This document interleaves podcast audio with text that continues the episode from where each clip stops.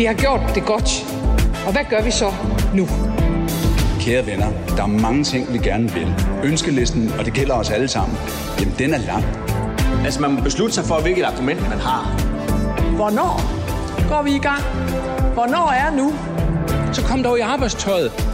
15 millioner mink og et helt erhverv blev for et år siden lagt i graven. Nu skal regningen gøres op. I min verden, så kan jeg slet ikke forstå, at statsministeren ikke allerede på nuværende tidspunkt sidder i rigsretten. Er minkavler Knud Vest her ikke i tvivl om, hvad han ønsker, når Grænsningskommissionen lige om lidt går i gang med sit arbejde. Vi zoomer ind på efterårets minkdrama. Det er ikke længere no-go at snakke om grænsehegn og mure i det radikale venstre. Vi støtter et, et fælles europæisk samarbejde om at sikre de ydre grænser. Der, der kan også være nødvendigt at, at sætte fysiske ting op, mure eller, eller, øh, eller hegn. Politisk ordfører Andreas Stenberg er klar til et opgør med partiets udlændingepolitiske historie, men er resten af partiet så også det? Det spørger jeg ham om. Og så skal vi også vende nogle skuffede naboer til Kærshovedgård og have sidste nyt fra det dansk, dansk politik på de sociale medier. Du lytter til Mandat. Jeg hedder Pernille Rudbæk. Velkommen til. Der er mink allerøverst på den politiske dagsorden på Christiansborg lige nu. For det er altså nu, at den historiske beslutning om at aflive alle mink i Danmark skal kortlægges, og minkavlernes fremtid skal afgøres. I går blev et forbud mod minkavl forlænget i et år, og i næste uge, ja, så går den såkaldte grænsningskommission så i gang med at kuglegrave hele forløbet op til beslutningen om at aflive alle mink.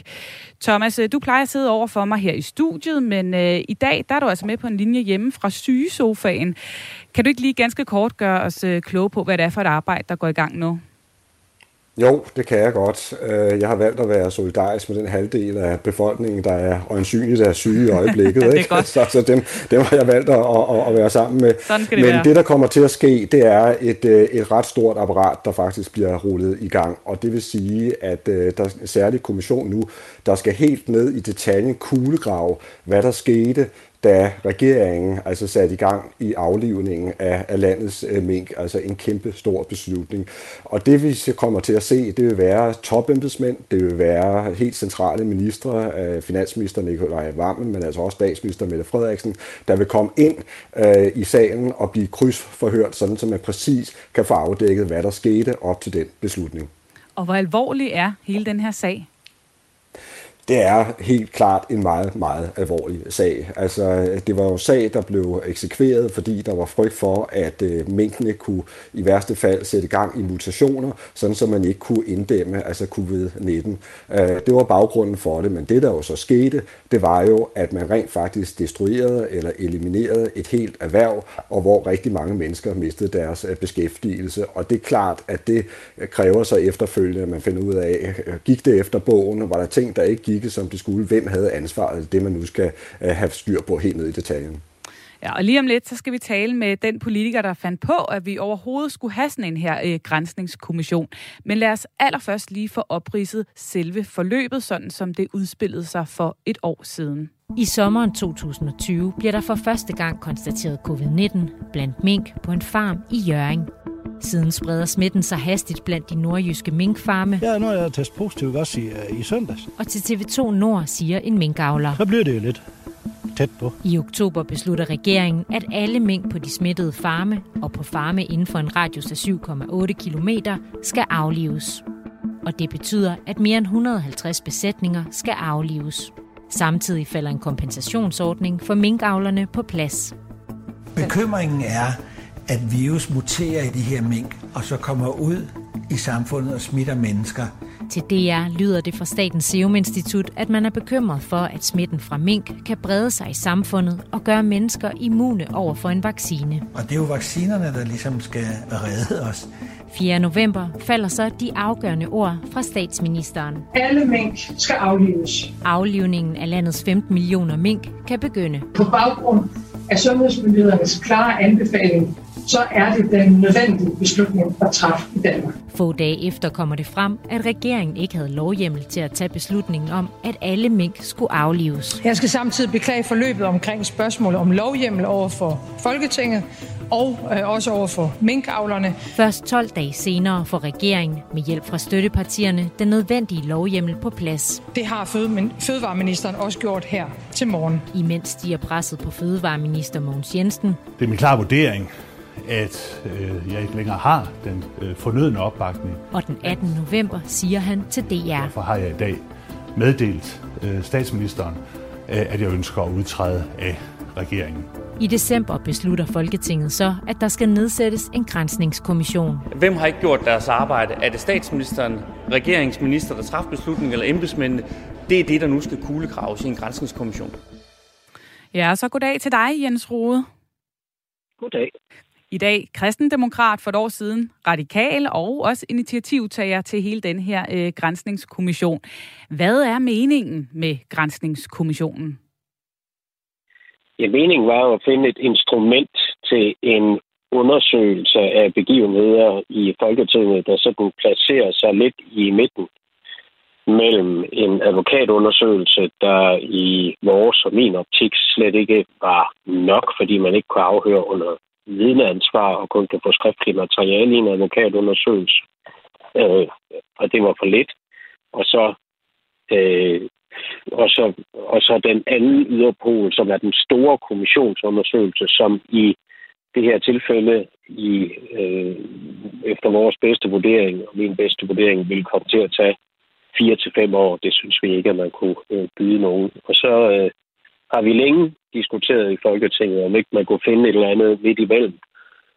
Mm. Øh, altså en hurtig arbejdende kommission, som har en, en tidsbegrænsning, og som har en meget specifik opgave på det følge, og som så stadigvæk kan lave afhøringer under vidneansvar. Og det var så det, vi og, og... samlet som Folketing fik, fik etableret mm. der. Og hvorfor var det vigtigt for dig, at vi skulle have lige præcis øh, et nyt instrument til Mink-sagen?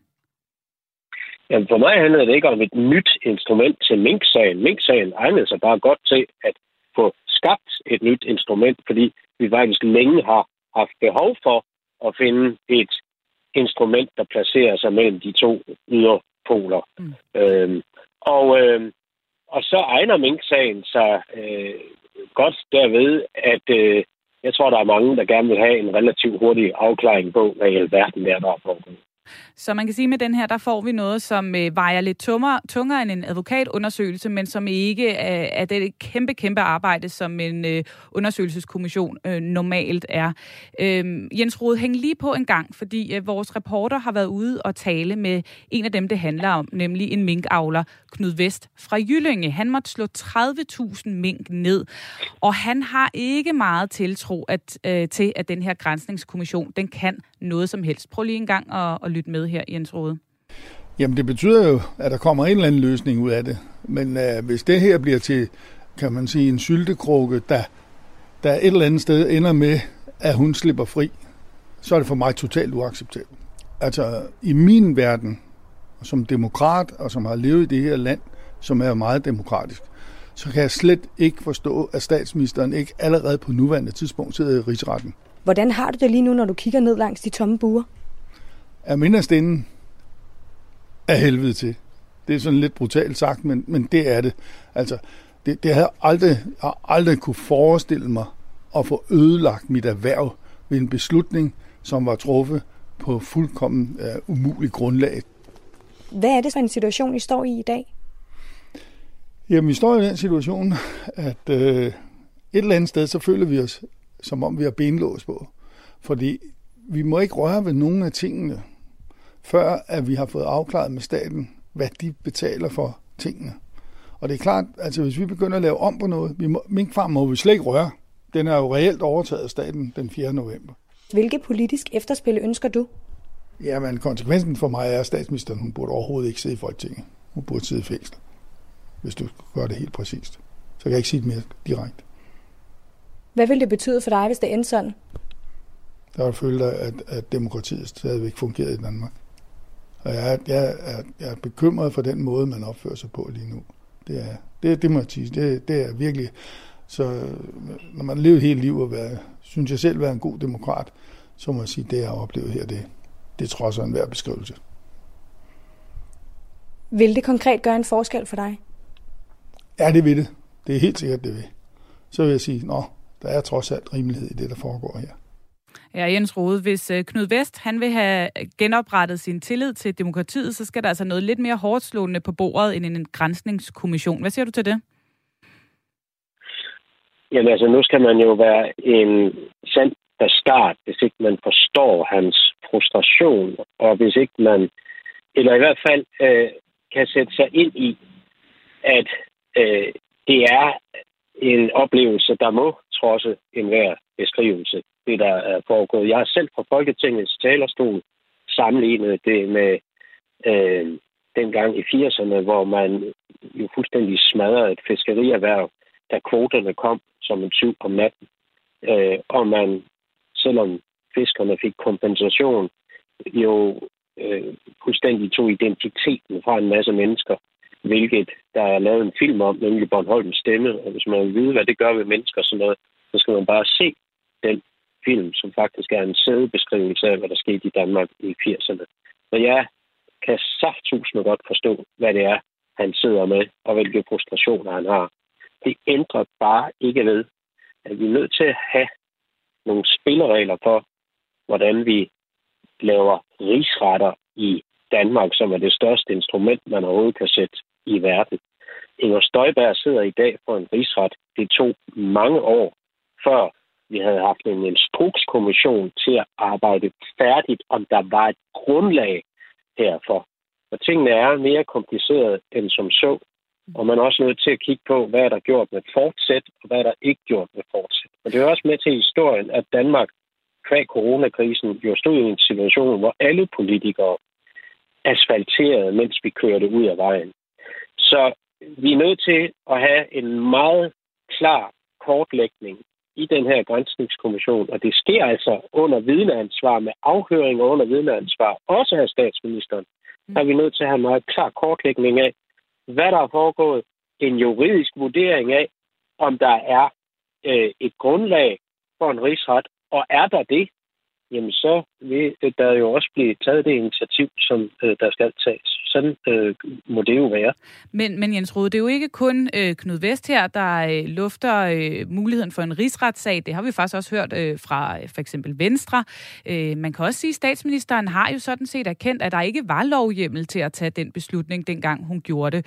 Kunne man ikke bare gå direkte til en rigsretssag, hvis man nu mener, at sagen er alvorlig nok? Nej, det kan man ikke. Vi har jo også en øh, ombudsmand, som øh, for mange år siden har konkluderet, at det Inger Støjberg foretog sig var ulovligt. Det, man skal kigge på, det er, gør man det med et fortsæt, og på trods af, at der er skal vi sige, embedsmænd, som fortæller, at man ikke må, og hvad der er gået forud, det er man nødt til at vide først.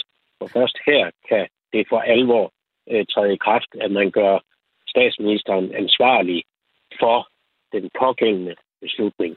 Men... Så det er vi nødt til at få kortlagt, og det er jo noget engang sådan, det er. Det er jo et samlet folketing, mm. der er blevet enige om den her grænsningskommission. Og der er man altså nødt til at tage tingene i den rigtige rækkefølge. Og det, der jo er trøsten her, det er, at vi rent faktisk har lavet en grænsningskommission, som øh, er et instrument, som arbejder væsentligt hurtigere end for eksempel instrukskommissionen. Og dermed får vi et instrument, der kan sikre en afklaring af det her hurtigere. I hvert fald en afklaring af, hvorvidt der skal være en rigsret eller ej. Man kan ikke bare sådan ud fra en mavefornemmelse eller en skuffelse eller en frustration sige, der skal nedsættes en rigsret. Sådan fungerer tingene ikke. Vi er nødt til at tage tingene i den rigtige rækkefølge. Og Men... jeg har ikke nogen interesse i at beskytte statsministeren, så det er ikke derfor, jeg siger det her. Det er ikke derfor. Men kan du forstå, hvis øh, hele den her snak om øh, tingene i den rigtige rækkefølge og øh, en grænsningskommission, den kan virke lidt akademisk og lidt langt fra virkeligheden, og, altså, og, og den her bekymring om, at det hele ender, ender i, en, i en syltekrukke og ingenting i sidste ende. Altså, hvad kan minkavlerne reelt bruge den her grænsningskommission til? Jo, men altså, der er politik, og så er der jura. Og du kan ikke dømme nogen på politik. Du er nødt til at dømme folk på jura. Altså vores retssamfund gælder for Loke som på Thor. Og derfor må man holde de ting adskilt, og det kan lyde nok så akademisk.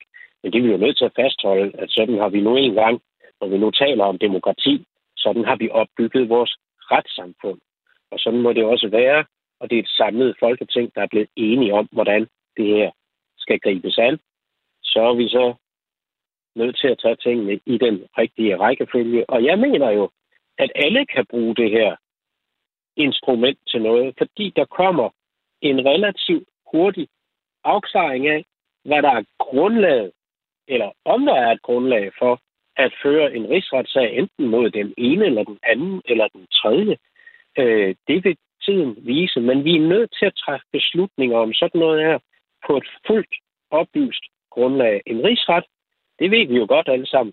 Det er jo ikke sådan noget, man bare lige nedsætter i tide og uside.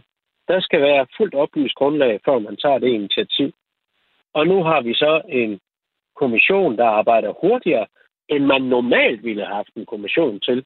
Og det synes jeg sådan set øh, taler til det vil sige, minkavlernes øh, fordel, at de får en hurtigere afklaring, end de ellers ville have fået. Vi må se, hvor det hele ender. Tak, fordi du var med her, Jens Rode. Og øh, Thomas, øh, så lad os lige hoppe en øh, tur op i helikopteren øh, og se, hvor de forskellige partier på Christiansborg står i hele den her øh, sag om mink. Lad os starte med regeringen og Mette Frederiksen. Hvor øh, sorte skyer hænger der i horisonten for dem?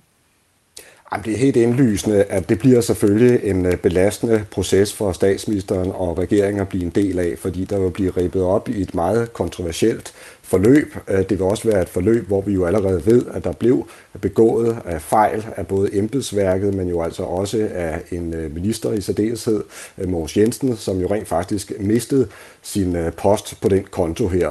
Så det er en meget alvorlig sag for regeringen, og regeringen ved jo også godt, at der er altså mange mennesker ude i, i landet, som altså også ser med meget kritisk på, hvordan det hele blev, blev håndteret. Øh, når det så er, er sagt, så tror jeg ikke, at øh, Mette Frederiksen her og nu øh, frygter, at hun bliver sat for en rigsret. Øh, og jeg tror heller ikke, at hun frygter, at hun øh, for alvor, kan man sige, øh, kommer under beskydning her, fordi i regeringstop, der ser man sådan på det, at de fejl, der blev begået, ja, de blev begået primært i Fødevareministeriet, og det kostede altså så en minister livet. Så lad os kigge lidt mod øh, oppositionen. Hvor øh, står øh, Mink-sagen her? Når vi ser på den øh, blå opposition, der er man meget, meget kritisk. Øhm, man er med på, at, øh, at regeringen måtte handle under et øh, ekstremt tidspres. Man er også med på, at sundhedsmyndighederne dengang jo advarede om, at det kunne få fatale følger for folkesundheden, hvis man ikke kom af med minkbesætninger. Men det er klart, at det de for alvor zoomer ind på, det var jo, at regeringen der i første omgang sætter den her enorme operation i værk, og beslutter sig for at slå minkene ihjel, altså uden at have et øh, lovgrundlag, en lovhjemmel på, på plads. Og der kommer der til at blive boret meget, meget nøje øh, i, og, og helt ned i detaljen i, altså hvornår blev det egentlig klar for regeringen, at man ikke havde lovhjemmel, hvor hurtigt reagerede øh, statsministeren, hvad vidste hun i øvrigt om, om, om hele det her forløb. Og der vil selvfølgelig komme fokus på Mette Frederiksens rolle, og det har altså oppositionen en, en meget stor øh, interesse øh, i. Og der er allerede blandt flere af, af de blå partier en holdning til, at, øh, at øh, hvis der man finder, kan man sige, det mindste på, på Mette Frederiksen, så vil de også advokere for, at der bliver nedsat en rigsretssag mod hende. Ja, for man kan jo ikke lade være med at tænke lidt på den anden rigsretssag, der kører lige nu med Inger Støjberg, som øh, sidder der for en, en struks. Her snakker vi altså om et, øh, et lovbrud med, med massive konsekvenser for, for et helt erhverv. Øh, skal Mette Frederiksen virkelig ikke frygte, at det her det kan ende? Altså jeg mener, hvis oppositionen sætter sig for, at vi skal have en rigsret sag ud af det her, øh, kan de så ikke trumfe det igennem? Altså det korte svar er, at det kan øh, oppositionen ikke, og der er ikke altid den helt store retfærdighed, det bliver man nødt til at sige, en helt stor retfærdighed i, hvilke øh, sager, der ender med at udløse en rigsretssag, for det handler simpelthen også om de politiske magtforhold på, øh, på Christiansborg, og i hele det forløb, som vi kommer til at kigge ind på nu, der er klart, der bliver det helt, helt afgørende, hvordan regeringens støttepartier vil agere over for Mette Frederiksen. Ja, lige præcis støttepartierne. Hvor har vi dem? Jeg tror, de ligger relativt tæt op af regeringen. Ja, vil de sige, der blev begået fejl, øh, både af ministeren og embedsværket, men i støttepartierne, der kan man endnu ikke se øh, den rygende øh, pistol, der ligesom skulle fælde øh, Mette Frederiksen. Og jeg tror, der skal relativt meget til, at de vil nedsætte en rigsretssag mod en siddende statsminister, altså en statsminister, de selv har været med til at bane magten for. Men det er klart, altså opstår der, kommer der nogle nye beviser, som vi ikke har set før, der viser, at Mette Frederiksen altså virkelig har været meget, meget dybere involveret i sagen, og også i forkerte beslutninger, vi har vidst indtil nu, ja, så kan det blive farligt. Men her og nu, der vil jeg sige, der er der ikke nogen, som jeg taler med i, i øh, støttepartierne, der forudser eller regner med, at det her kommer til at udløse en rigsretssag. Og så kan jeg lige tilføje, at øh, Grænsningskommissionen altså går i gang med sit arbejde på næste torsdag den 7. oktober, og der er det øh, Statens Serum Instituts Kåre Mølbak, der skal i vidnestolen. Politik handler også om at dele os efter anskuelser. Det var lige præcis det, jeg ønskede. Er vi klar til at gå hele vejen sammen, hvis vi kan blive enige? Vi er i fuld gang med Mandat på Radio 4-programmet, hvor Thomas Larsen og jeg, Pernille Rudbæk, vender det største og vigtigste i dansk politik lige nu. Vi har netop hørt fra en frustreret minkavler og spurgt Jens Rode om, hvad meningen med Granskningskommissionen egentlig er. Vi skal også forbi Tesfajs seneste visit i Boarding, og vi skal spørge de radikale om, hvordan det kan være, at øh, radikal, hvordan det kan være radikal politik at sætte grænsehegn op ved Europas grænser. Og øh, nu inviterer vi så dig ude bag højtaleren til at være med i programmet. For hvad taler vi for lidt om, og hvad taler vi for meget om, når det kommer til dansk politik? Det vil vi gerne høre dit bud på. Så find din mobil og send din sms afsted på 1424 og start med R4. Vi har også spurgt på Facebook, og øh, endnu en gang er der heldigvis tækket rigtig mange gode bud ind, og øh, vi kan lige snuppe en enkelt her, Thomas. Leif Christensen, han skriver, familiesammenføringsregler for danske statsborgere gift med udlænding uden for EU. Helt i skoven, som danske statsborgere diskrimineres i forhold til øvrige EU-borgere. Jamen, der kan vi jo så opfordre Leif Christensen til at lytte nøje efter, når vi har interviewet med Andreas Stenberg, den politiske ordfører for det radikale venstre, fordi han har faktisk skrevet en hel bog, øh, hvor en del af det her, det er altså omdrejningspunktet for bogen, fordi han mener også, at det er blevet alt, alt for svært for danske statsborgere at kunne altså, gifte sig med dem, de øh, gerne vil uden for landets øh, grænser. Så han mener, det er gået for vidt, og det argumenterer han altså intens for i sin nye bog. Ja, det var altså et bud for Leif Christensen, men øh, hvad mangler du at få på den politiske dagsorden? Send din sms på 1424, 1424 hedder det, nu og start med R4. Kender du det der med at skulle besøge noget familie, som du lidt har forsømt, eller den der ven, som du lovede at flytte for, men så kunne du alligevel ikke helt på den dag? Det føles aldrig særlig godt, og øh, man skal så helst lige huske at tage en pæn blomst eller en god flaske vin med næste gang, man ser dem. Det havde Mathias Tesfaye på en måde også, da han i mandags besøgte udrejsecenter Kærshovedgård og nabobyen Bording. Det vi gerne vil, det er at afsætte en pose penge, som kan blive øh, forvaltet i samarbejde med lokalsamfundet her omkring Kærshovedgård, sådan at nogle af de ønsker, der er fra lokalsamfundet om at øge trygheden, at vi faktisk også er i stand til at sætte, øh, sætte de skibe i søen. Men det kræver jo, at øh, dels at vi fra Christiansborg er villige til at afsætte sådan en pose penge, og det vil jeg kraftigt øh, arbejde for, men også at man fra lokalsamfundets side øh, sætter sig ned omkring bordet sammen med os og er med til at beslutte, hvor er det egentlig, de gør mest gavn. Ja, han havde altså måske en pose penge med, sagde han øh, til TV, TV2-nyhederne. Øh, Alligevel så kunne man øh, efterfølgende læse, at folk i byen og borgmesteren, de var rimelig skuffet over det her besøg. Thomas, hvorfor er de så skuffet i Bording? Ej, det er der faktisk en helt, del gode grunde til, hvis man ser det fra borgernes øh, synspunkt. For det første, så havde de jo håbet på, at nogle af de mest sådan, belastede øh, folk, der er på, på centret, blandt andet kriminelle, altså udlændinge, at de blev flyttet hen til et andet center, og der var jo hele planen om at flytte til Langland, hvilket jo altså faldt til jorden med, med et brag. Derudover så siger de jo selv, at deres øh, dagligdag er dybt påvirket øh, af de øh, folk, der er på, på centret.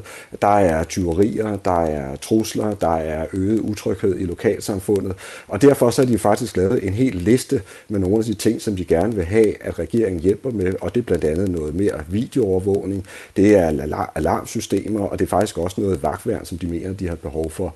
Og så føler de sig jo skuffet, når ministeren kommer på besøg, og så faktisk ikke rigtig har noget konkret med til dem. Ja, og han kommer jo efter det her stormvær, som du også lige var inde øh, på, som ramte ham i foråret, da øh, regeringen fik den idé, at de skulle sende de kriminelle udlændinge fra Kærshovedgård til et nyt center på Langeland. Det gik, som du også sagde, ikke særlig godt. Hvad var det, regeringen øh, kom ud i der? De kom jo ud i en proteststorm, ganske enkelt, som kom fuldstændig bag på regeringstoppen. Altså langlænderne, de øh, slog sig sammen, og de lavede øh, store protester mod den her beslutning og sagde, at det skal ikke være her. Vi har sådan set udfordringer nok, og det endte jo med, at der blev altså, lavet en, en protest af en styrke og en skala, som gjorde, at regeringen så endte med simpelthen at, at omgøre øh, beslutningen. Det tror jeg, de var rigtig, rigtig glade for på Langeland, men det er klart, nu står man så stadigvæk med problemerne på Kærshovedgård, og der nogle borgere der, der nu kommer til at leve med store problemer. Men Thomas, jeg kan ikke lade være med at tænke på, hvordan regeringen, som jo gør en dyd ud af ikke at ville anklages for at ikke at have føling med, hvad der foregår ude i de små samfund, øh, ikke har set den her protest komme på Langeland, og nu også dukker mere eller mindre tomhændet op i boarding. Hvorfor, hvorfor sker det her? Ah, de har undervurderet den her sag. Altså, det var jo nemt nok i sin tid at sige, at nu finder vi et nyt øh, center, og, og det skal regeringen nok sørge for. Og det er noget helt andet, når det lige pludselig bliver virkelighed, og man så rent faktisk skal finde et sted, hvor sådan et center skal ligge. Fordi overraskende nok, og det siger jeg selvfølgelig med ironi i stemmen her, så er der jo ikke ret mange borgere, der har lyst til at få de naboer. Og det har regeringen simpelthen ikke rigtig øh, tænkt øh, nøje nok over, og øh, derfor så blev de væltet omkuld, da proteststormen så for alvor tog til i styrke. Har regeringen simpelthen opgivet at, at rykke de her øh, udlændinge et andet sted hen? Jeg tror, det bliver en meget, meget, meget svær øh, proces. Øh, det gør det. Og på den måde kan man sige, så illustrerer den her sag jo også, at regeringen altså, har et smerteligt møde med, med virkeligheden. Fordi nogle gange, så er det nemmere at stå i en valgkamp og udstikke løfter og sige, hvad man gerne vil gøre. Og når man så møder virkeligheden, så bliver det virkelig svært. Og der er det jo også interessant her at se, at på flere områder i udlændingepolitikken, der har regeringen faktisk været tvunget til at skifte kurs. Det er ikke lykkedes at få lavet det her center. Det lykkedes ikke at få det placeret på Langeland. Øh, I modsætning til de øh, garantier, man udstak til befolkningen omkring, at man ikke vil tage for eksempel de syriske, øh, eller de, de kvinder, der var, der, var, der var taget ned til IS i Syrien hjem, så er det rent faktisk det, der sker nu. Altså kvinderne kommer hjem, det gør deres børn, og endelig så må man også sige, at det ser ud som om, det har meget lange udsigter med at få stablet det center på benene, asylcenter på benene, der skal ligge langt uden for Danmarks øh, grænser. Det var måske også noget, der tog sig bedre ud i en valgkamp, og som er meget sværere at gennemføre i virkelighedens verden. Peter Skåre fra Dansk Folkeparti, han har nu valgt at kalde regeringen i samråd. Jeg forstår ikke, at der ikke er overensstemmelse mellem det, man siger og det, man gør, øh, når man øh, agerer fra Socialdemokraternes side. Og det er det, vi vil hanke op i, sådan så at der kommer nogle konkrete initiativer på bordet, og så vil vi selvfølgelig også rykke for, at de pågældende mennesker sendes hjem. Øh, det øh, er vel egentlig ikke for meget for langt, hvis man er udvist, at man ikke bliver hængende i Danmark. Ja, så der er altså allerede varslet lidt øh, politiske øh, efterspil på Christiansborg, men kommer det her slet ikke til at få øh, konsekvenser for regeringen i øvrigt?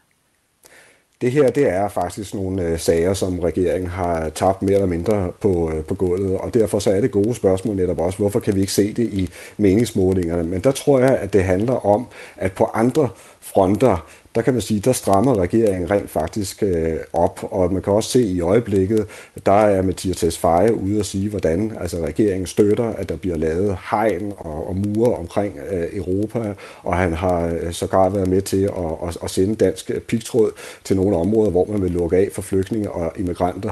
Med andre ord, så sender man altså også signaler til de mange danskere, der gerne vil have en stram udlændingepolitik, og det tror jeg faktisk er grunden til, at regeringen ikke bliver straffet, selvom den altså på nogle felter bliver tvunget til at slå bark.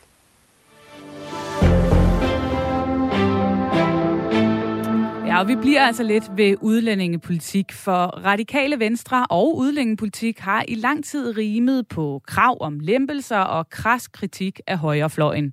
Men nu lyder der nye toner. For eksempel i hele debatten om grænsehegn og pigtråd ved Europas grænser.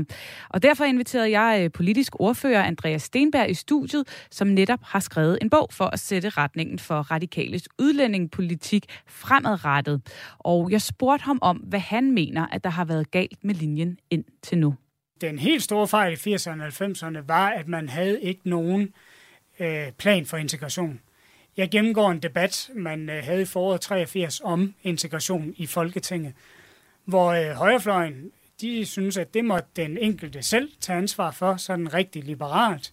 Og, og mit parti og Socialdemokratiet og Venstrefløjen synes, at øh, flygtninge var, var ofre, man ikke kunne forvente noget af.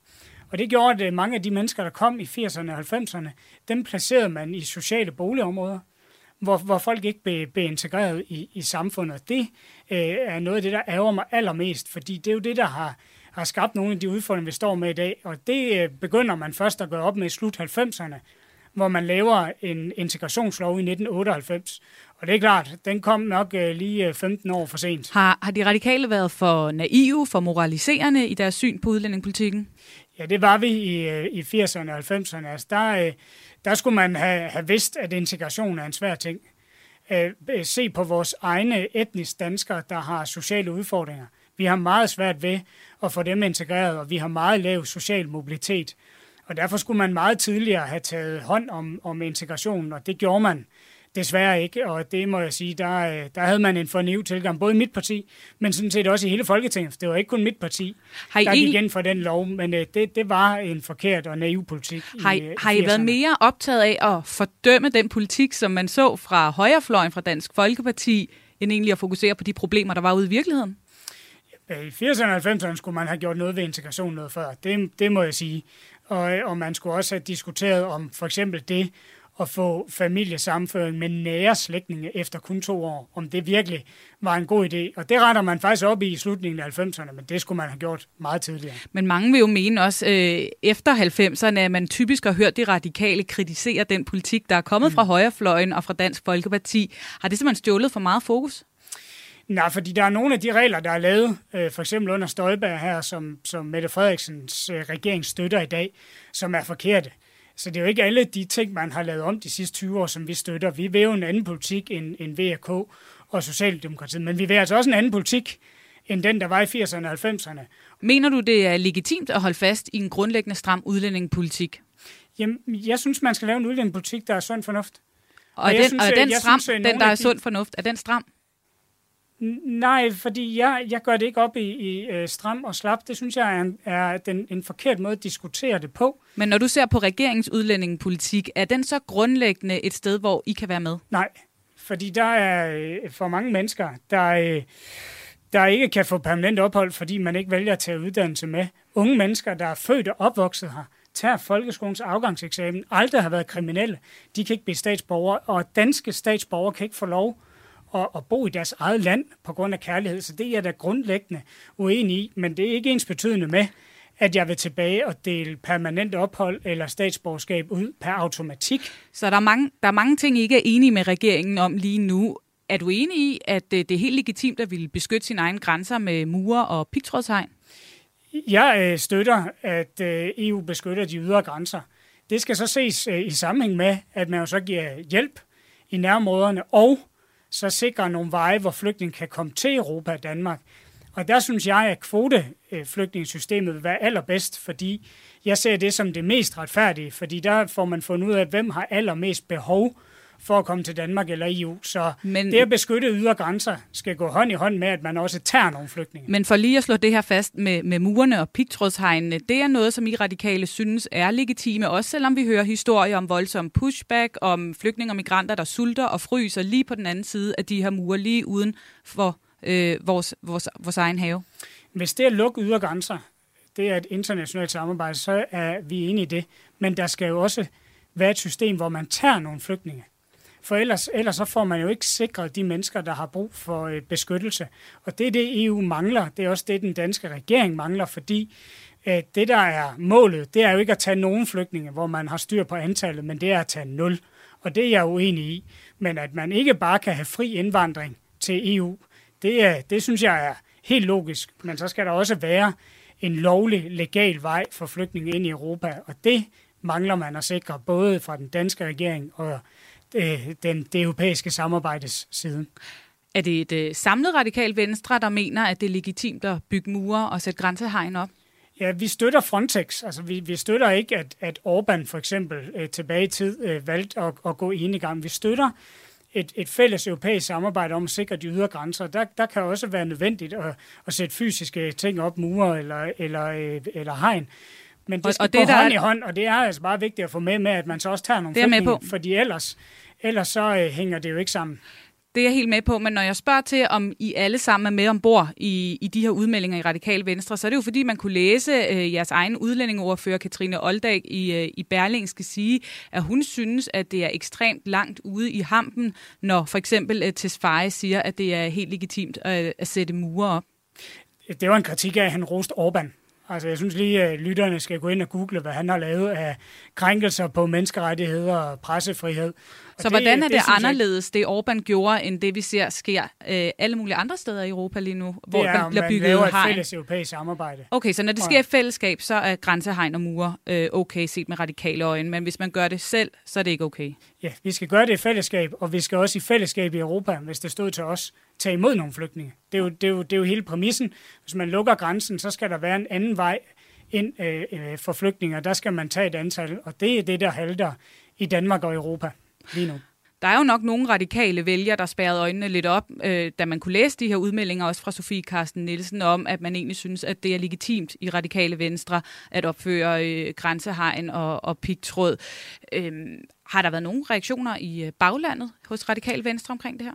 Jamen det, øh, det diskuterer vi rigtig meget. Det er ikke nogen ny holdning, men det, der jo er væsentligt for os at, at få med, og som, øh, som også er mange bagland, der siger, det er jo, at der også skal tages nogle flygtninge. Altså, vores mål er ikke nul flygtninge, men, men vi er enige i, at man ikke kan have fri indvandring til Europa eller Danmark. Og så skal øh, grænselukning eller mm. beskyttelse af ydre grænser i EU kombineres med, at man tager nogle flygtninge. Så det er noget, I diskuterer øh, i baglandet, siger du. Er det nogle, nogle hæftige diskussioner? Er det noget, der øh, kan få folk til at gå i vrede?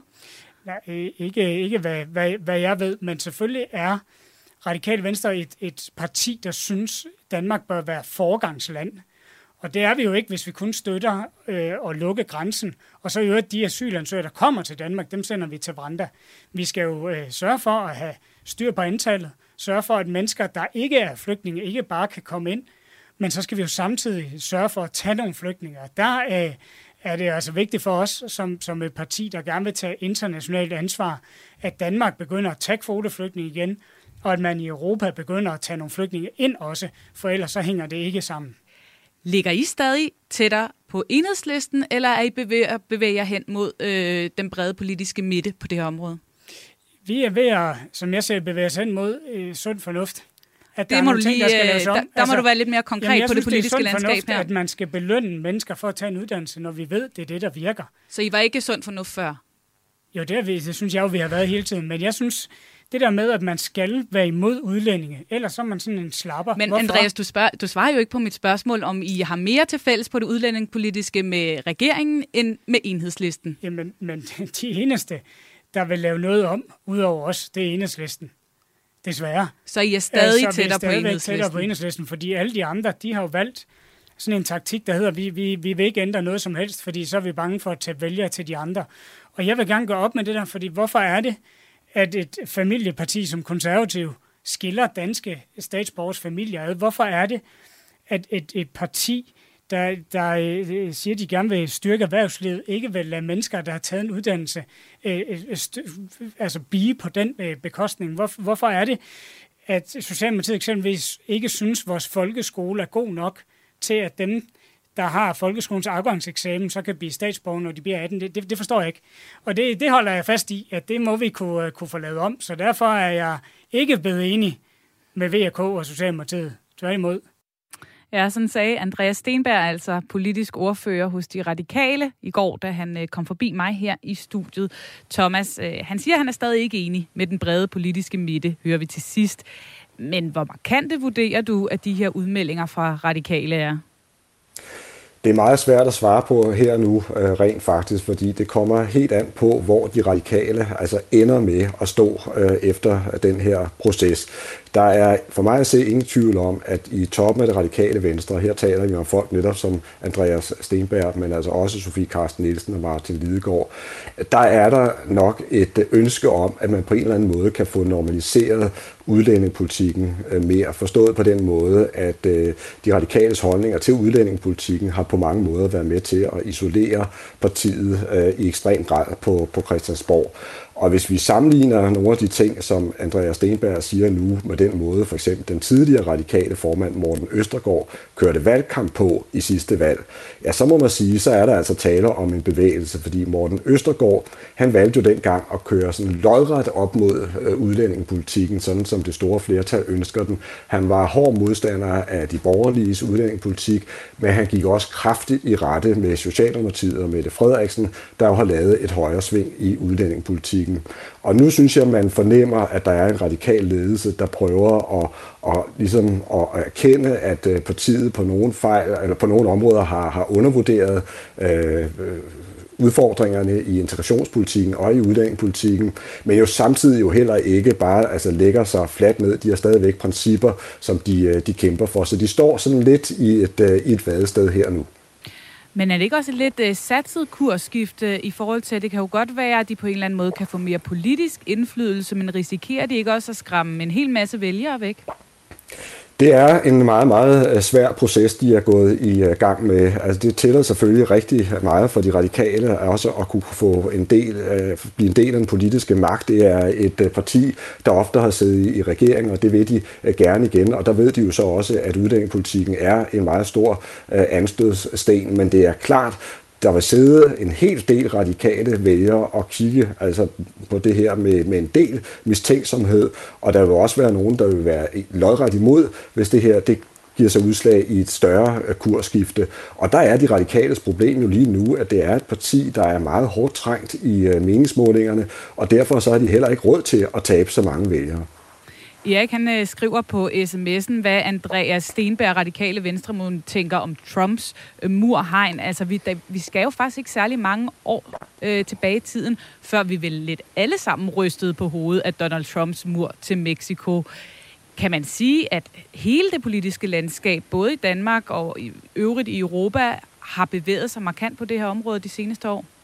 Ja, det kan man i høj grad. Altså det, der er sket et skridt, når det handler om hele øh, ønsket om at, at beskytte eller befeste øh, Europa, eller altså, når vi snakker om i USA, altså simpelthen lave øh, mure og afspærringer øh, ind til de øh, mange, mange øh, migranter, øh, der kommer fra de mellemamerikanske lande og sydamerikanske øh, lande. Så det har flyttet sig helt enormt, øh, det her øh, område. Og det viser måske i virkeligheden også de radikales dilemma, fordi selvom de prøver at flytte sig nu, ja, så er der mange af de andre, der har flyttet sig endnu mere, og derfor så kommer de også til ligesom at, at, at stå bagefter og har svært ved egentlig at melde sig ind i, i udlændingepolitikken, som de andre fører, og det ønsker de heller ikke. Det er et område, der hele tiden flytter sig. For mig skal der bare lyde et ønske om at række hånden frem. Så venner, vi har meget, vi kan løse sammen. I politiske symboler og i kommunikationsstrategier frem for øh, reelt indhold. Du har tændt for mandat på Radio 4, hvor vi øh, netop har øh, hørt øh, de radikales skifte i udlændingepolitikken. Vi har også været forbi Mink-granskningskommissionen, der går i gang i næste uge, og hvor flere ministre, deriblandt Mette Frederiksen selv, altså skal afhøres om de 15 millioner mink, der sidste år blev aflivet. Lige om lidt kommer vores gode ven og politiske nørd i dansk politik på sociale medier, Markus, forbi og gør os klogere på sidste nyt fra Facebook, LinkedIn, Twitter og Instagram. Men først skal vi lige snakke lidt om det, vi måske ikke har snakket så meget om i dansk politik på det seneste, i hvert fald ifølge jer. Der er nemlig tækket flere gode bud ind på sms'en, og Thomas, vi snupper altså lige et par stykker. Kirsten, hun skriver, sygeplejekonflikten, den ulmer jo stadig. Jamen det gør den, og der er ingen tvivl om, at der er altså en lang række sygeplejersker over hele landet, der øh, stadigvæk syder af frustrationer, altså over den konflikt, der blev, der blev afbrudt hen over hovedet på dem, og som jo stadigvæk øh, mener, at de skal belønnes bedre for deres øh, arbejde. Og det er klart, at de kommer også til at fylde, fordi noget af det, vi er viden til her og nu, det er jo, at hele sygehusvæsenet er ekstremt presset, og man får brug for velvilje og ekstra arbejdskraft, altså for de ansatte herunder sygeplejerskerne for at, at løse det. Så det her, det er også noget, som politikerne kommer til at vende tilbage til. Det er jeg ganske overbevist om.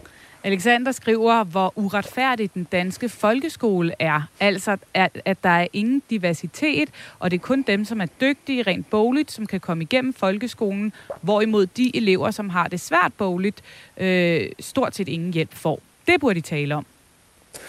Ja, og det tror jeg faktisk også, at det kommer til at, at, at ske, fordi jeg synes, det der er det virkelig interessante, når man ser på den øh, politiske dagsorden på Christiansborg øh, her og nu, det er, at der er virkelig et, et skifte i gang. Der er flere af de helt toneangivende politikere, der øh, mener, at der er alt for mange børn, og især drenge, der bliver uh, tabt i, i, i folkeskolen. Og det er lige præcis dem, som måske uh, ikke er så gode bogligt, men som kan en masse med deres hænder, og de får i virkeligheden ikke spor, der fører dem frem til gode uddannelser og gode øh, job, selvom der faktisk er skrigende mangel blandt andet på øh, faglærte arbejdere. Mette Frederiksen har jo selv prøvet at rejse hele den her debat. Det gjorde hun på en stor konference øh, her i starten af den politiske sæson, der hed Fremtidens Danmark. Og der talte hun netop om, at vi skal have en skole, der forstår at forløse børnenes talent langt bedre, end det sker i dag. Også for de børn, der ikke er vågne. Så også det kommer på den politiske dagsorden. Tusind tak for alle jeres mange gode bud, som altid.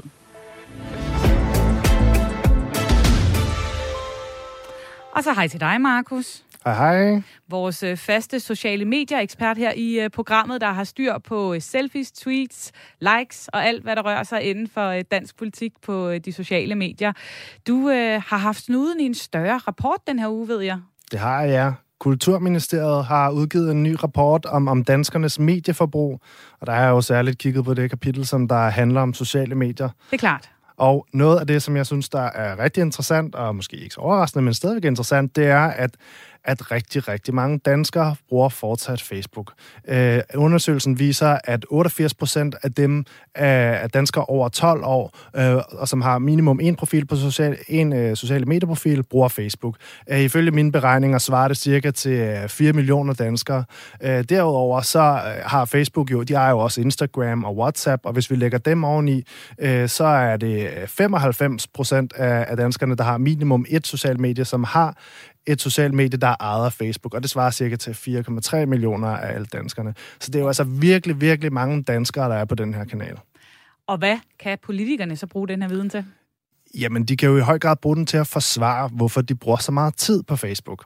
Altså, vi snakker jo i det her program hver uge om, mm. om politikere på, på sociale medier, og det vi bruger rigtig meget tid på, det er Facebook, og selfies og kommentarer på til mediers artikler fylder rigtig meget. Øh, og de kan simpelthen forsvare, at de bruger rigtig meget tid på Facebook, og de kan forsvare, at de bruger rigtig mange penge på Facebook.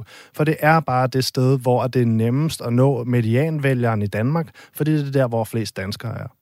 Så alt godt øh, for de politikere, der i forvejen har lagt øh, et store dele af deres øh, strategi for sociale medier på lige præcis Facebook.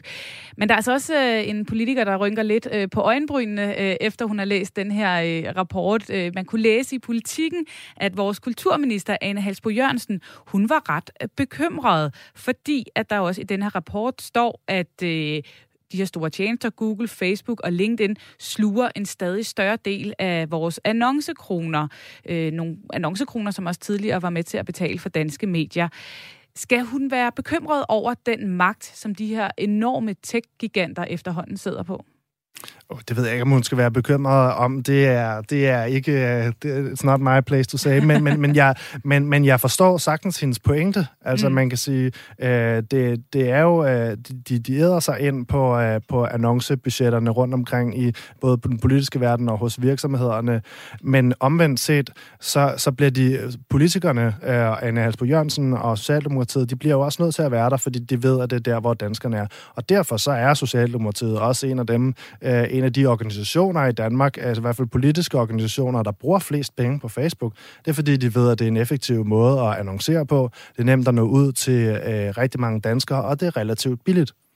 Og for alle, øh, der ikke lige har siddet, som du jo har, øh, mm. og været med til at skubbe annoncer og indhold ud på, på Facebook og sociale medier, hvad er det, man bruger pengene på? Jamen altså, man bruger jo pengene på eksponering. Øh, partierne, de har en relativt stort rækkevidde øh, organisk, altså uden at bruge penge i forvejen. Øh, men for at kunne nå ud til dem, som der måske ikke i forvejen følger side, deres side, øh, så bliver de nødt til at bruge nogle penge. Og det er det, man betaler Facebook for. Det er for at yderligere eksponere ens budskaber til, til Danmarks befolkning. Og politikerne her, de er altså også øh, flittige betaler, hører jeg da sige. Er der noget selvmodsigende i at gå ud og på den ene side og være øh, bekymret for, øh, for de her tech-giganter, når man kigger på de budgetter, som partierne øh, lægger, og de kroner og øre, som de poster i de sociale medier selv? Jamen, det er der. Det, det vil jeg helt klart mene, at der er. Altså, man kan sige, øh, på den ene side, så, så, så har de en politisk holdning, der hedder, at tech-giganterne har fået meget, for meget magt. Det er en reel og færre holdning at have. På den anden side, så bruger de rigtig mange, meget energi og ressourcer, øh, både tid og penge, øh, på øh, at være på Facebook. Øh, så, så der er helt klart et dilemma. Og, og i artiklen øh, øh, fra Politikken, med Anne Halsbo Jørgensen, der siger hun jo det her med, at de er der for, øh, for demokratiets skyld nærmest. Øh, altså, de skal være der, hvor vælgerne er. Mm. Men altså, den, den kolde og kyniske sandhed, det, det er jo det er, fordi, de bliver nødt til at være der. Øh, fordi de er i konkurrence med alle de andre partier, og de er der også, og derfor så bliver de nødt til at være de bedste. Og hvad ville der ske, hvis de ikke var der? Jamen, så er jeg helt overbevist om, at de vil tabe stemmer på det. Altså, det er simpelthen sådan en øh, øh, effektiv måde at kommunikere på og annoncere på. Øh, det er billigt, du kan måle, hvem du rammer, og du ved præcis, hvad du får for dine penge. Så politikerne sidder også selv i saksen, selvom de godt kan se, at der er nogle øh, problemer ved det. En Halsbro Jørgensen, hun mener også, at øh, al den magt, som tech-giganterne har, direkte skader vores demokratiske samtale på de sociale medier. Er du enig i det?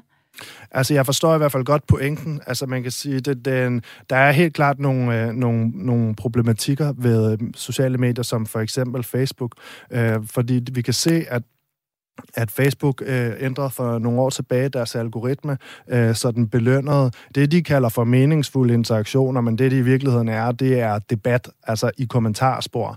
Og, og det har jo gjort, at politikere øh, og alle mulige andre organisationer i øvrigt også, har måttet tænke i, hvordan får vi skabt noget interaktion i kommentarsporet. Og det kan man blandt andet gøre ved forarvelse. Altså mm. forarvelse, det er noget af det, som der er rigtig godt til, at, øh, at folk øh, øh, skaber noget debat. Så, så, så jeg forstår godt hendes pointe om, at sociale medier kan være med til at skabe noget splittelse, fordi det er svært at kommunikere øh, med meget sådan savlig og nøgtern kommunikation og få sit budskab igennem. Man bliver nødt til at sætte tingene lidt på spidsen. Ja, du har jo faktisk selv arbejdet med sociale medier i Liberal Alliances kommunikationsafdeling. Hvordan oplevede du det her med, at der skulle forarvelse til, hvis man for alvor ville øh, komme igennem med sit budskab?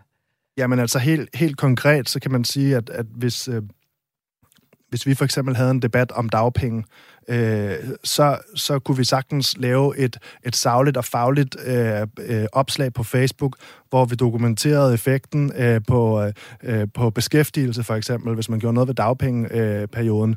Øh, men det er langt mere effektivt at lave et opslag, som hedder noget med, at øh, dagpengemodtagerne er dogne, øh, det er for dårligt, at vi har sådan en lang dagpengeperiode, fordi det skaber noget debat. Øh, der er både nogen, der er enige, der er nogen, der er uenige, og det får man mere interaktion ud af.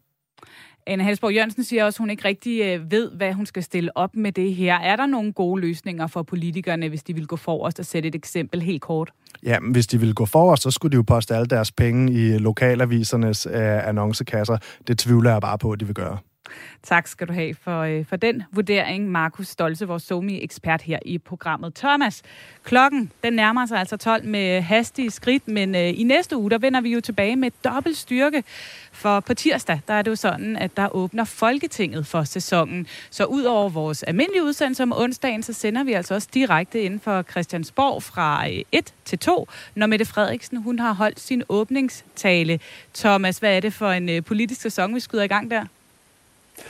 Jamen, det er jo interessant, at der er mange, der har ment, at tempoet skal sættes ned i øh, dansk politik, og det har man talt om hen over sommeren. Jeg kan bare garantere for, at det kommer ikke til at ske i forhold til den uh, sæson, vi ser ind i lige nu. Tværtimod, altså der står kæmpe uh, temaer på den politiske dagsorden. Det er kampen mod manglen på arbejdskraft. Jeg tror, der kommer et nyt uh, sundhedsudspil, der skal vise, hvordan vores sundhedsvæsen skal fungere mere effektivt. Der skal forhandles om finanslov. Der er også i gang med at blive forhandlet om uh, landbrugets rolle i den grønne omstilling. Kort sagt, der bliver masser af store og meget vigtige og væsentlige temaer at tage fat på.